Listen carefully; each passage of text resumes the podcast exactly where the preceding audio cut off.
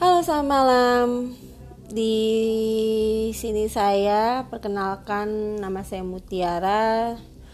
seorang ibu 39 tahun dan akan menjadi ibu lagi setelah 15 tahun.